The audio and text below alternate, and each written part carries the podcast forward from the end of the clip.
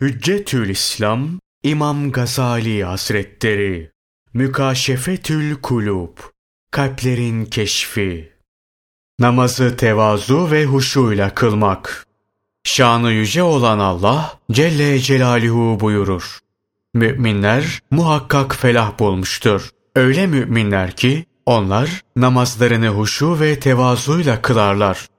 Alimlerimizden bazıları huşuyu kalbin fiiliyatından sayarlar. Korku gibi. Diğer bazıları ise azanın fiiliyatından kabul ederler. Namazdayken sükut etmek, sağ sola sallanmamak ve diğer abes şeyleri yapmamak gibi.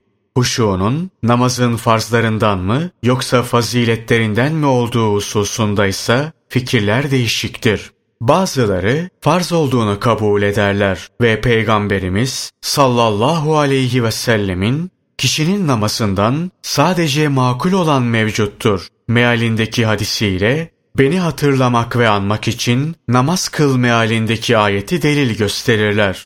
Gaflet zikre zıttır. Bunun için Allah Celle Celaluhu buyurur ki Rabbini içinden yalvararak ve korkarak yüksek olmayan bir sesle sabah akşam an, gafillerden olma. Peygamberimiz sallallahu aleyhi ve sellemin namaz hakkındaki bir hadisleri şöyledir. Beş vakit namaz, birinizin evinin önünden akan bol sulu bir nehirle, bu nehirde günde beş defa yıkanan ev sahibinin haline benzer. Günde beş defa yıkanan bu kişinin vücudunda kir kalır mı? Hadis-i şerifin açıklanması şudur. Su, insanın bedenini maddi kirlerden temizler. Namaz da insanın ruhunu manevi kirlerden yani kötü huylardan ve büyük günahların dışında kalan günahlardan temizler. Fakat bu netice namaz huşuyla ve kalp huzuruyla kılındığı zaman hasıl olur. Huşu ve kalp huzuruyla kılınmayan namazlar kabul edilmez, faydasızdır. Peygamberimiz sallallahu aleyhi ve sellem buyururlar ki, kim bütün dünyevi düşüncelerden sıyrılarak kalp huzuruyla iki rekat namaz kılarsa bütün geçmiş günahları bağışlanır. Namaz farz kılındı, hac ve tavaf yapmak emredildi ve diğer ibadet usulleri kondu. Bütün bunlar Allah'ı zikretmek içindir. Eğer namaz kılanın kalbinde zikrettiği zatın bir heybeti, bir azameti olmazsa zikrin ne kıymeti kalır?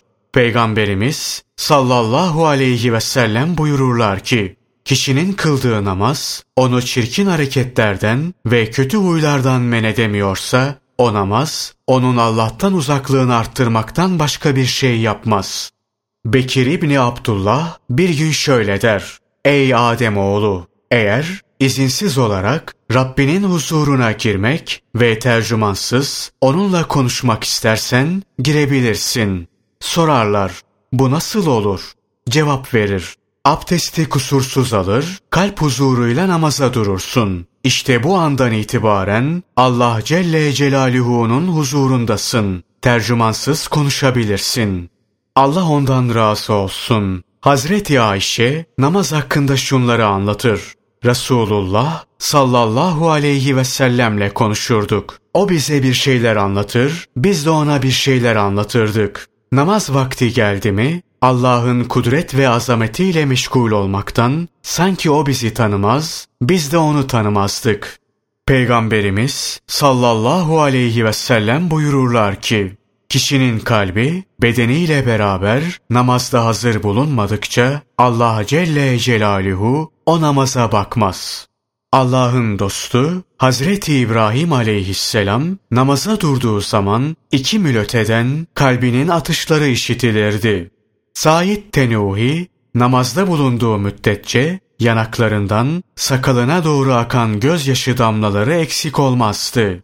Bir defasında Peygamberimiz sallallahu aleyhi ve sellem namaz kılmakta olan birisini sakalıyla oynarken gördü ve şöyle buyurdu. Eğer bu adamın kalbinde huşu olsaydı azasında da olurdu.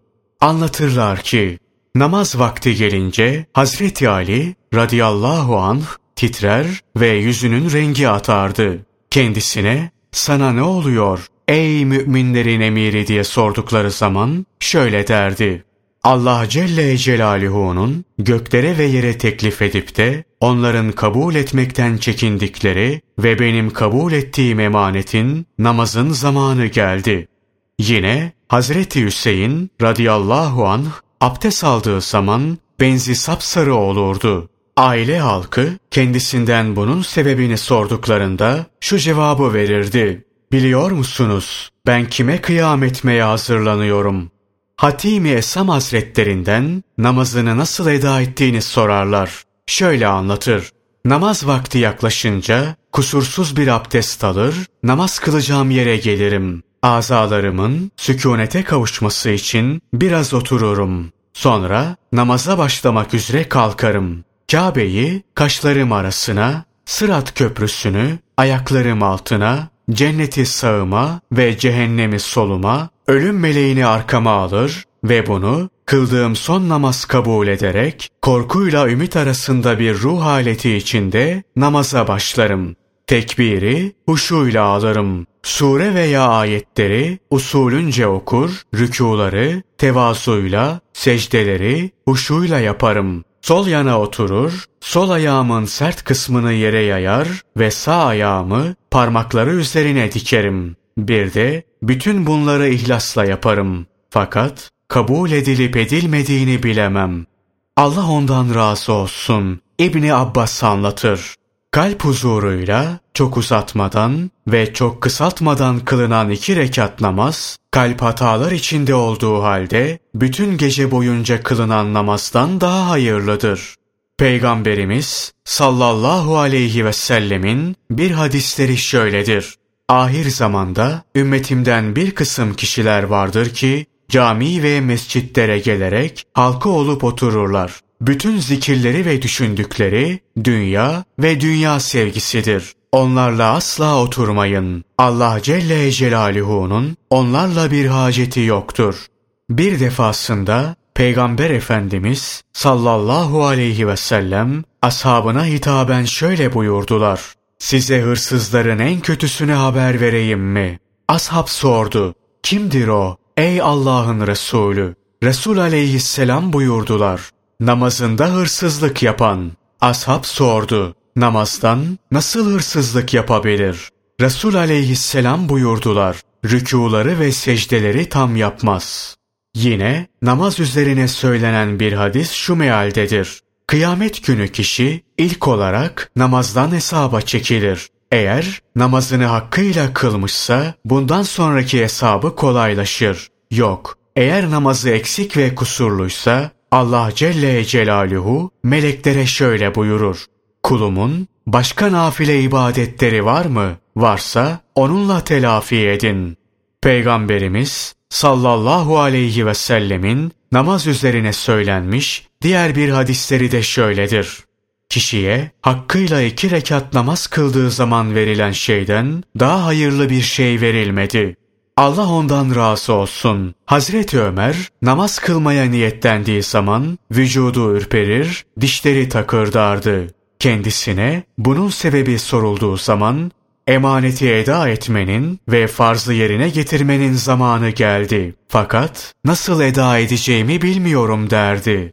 Bir ara Halef İbni Eyüp namaz kılıyordu. Kendisine arı soktu. Vücudundan kan çıktı. Fakat o bunu hiç hissetmedi. İbni Said bunu görmüştü. Namazdan sonra ona arı soktu, kan aktı da haberin olmadı deyince İbni Eyüp şunları söyledi. Bir kimse düşün ki Allah Celle Celaluhu'nun huzurundadır. Ölüm meleği tepesinde, cehennem solunda ve Sırat köprüsü ayaklarının altındadır. Bu kimse böyle arı sokması gibi şeyleri hissedebilir mi? Amr ibn Zer'in eline bir hastalık ağrısı olmuştu. Tabipler elin kesilmesi gerektiğini söylediler. O da kesin dedi. Tabipler seni ipe bağlayıp öyle kesebiliriz deyince Amr ibn Zer buna lüzum yok. Ben namaza durunca rahatça kesebilirsiniz dedi. Amr ibn Zer namaza durunca elini kestiler. O bunu hissetmedi bile.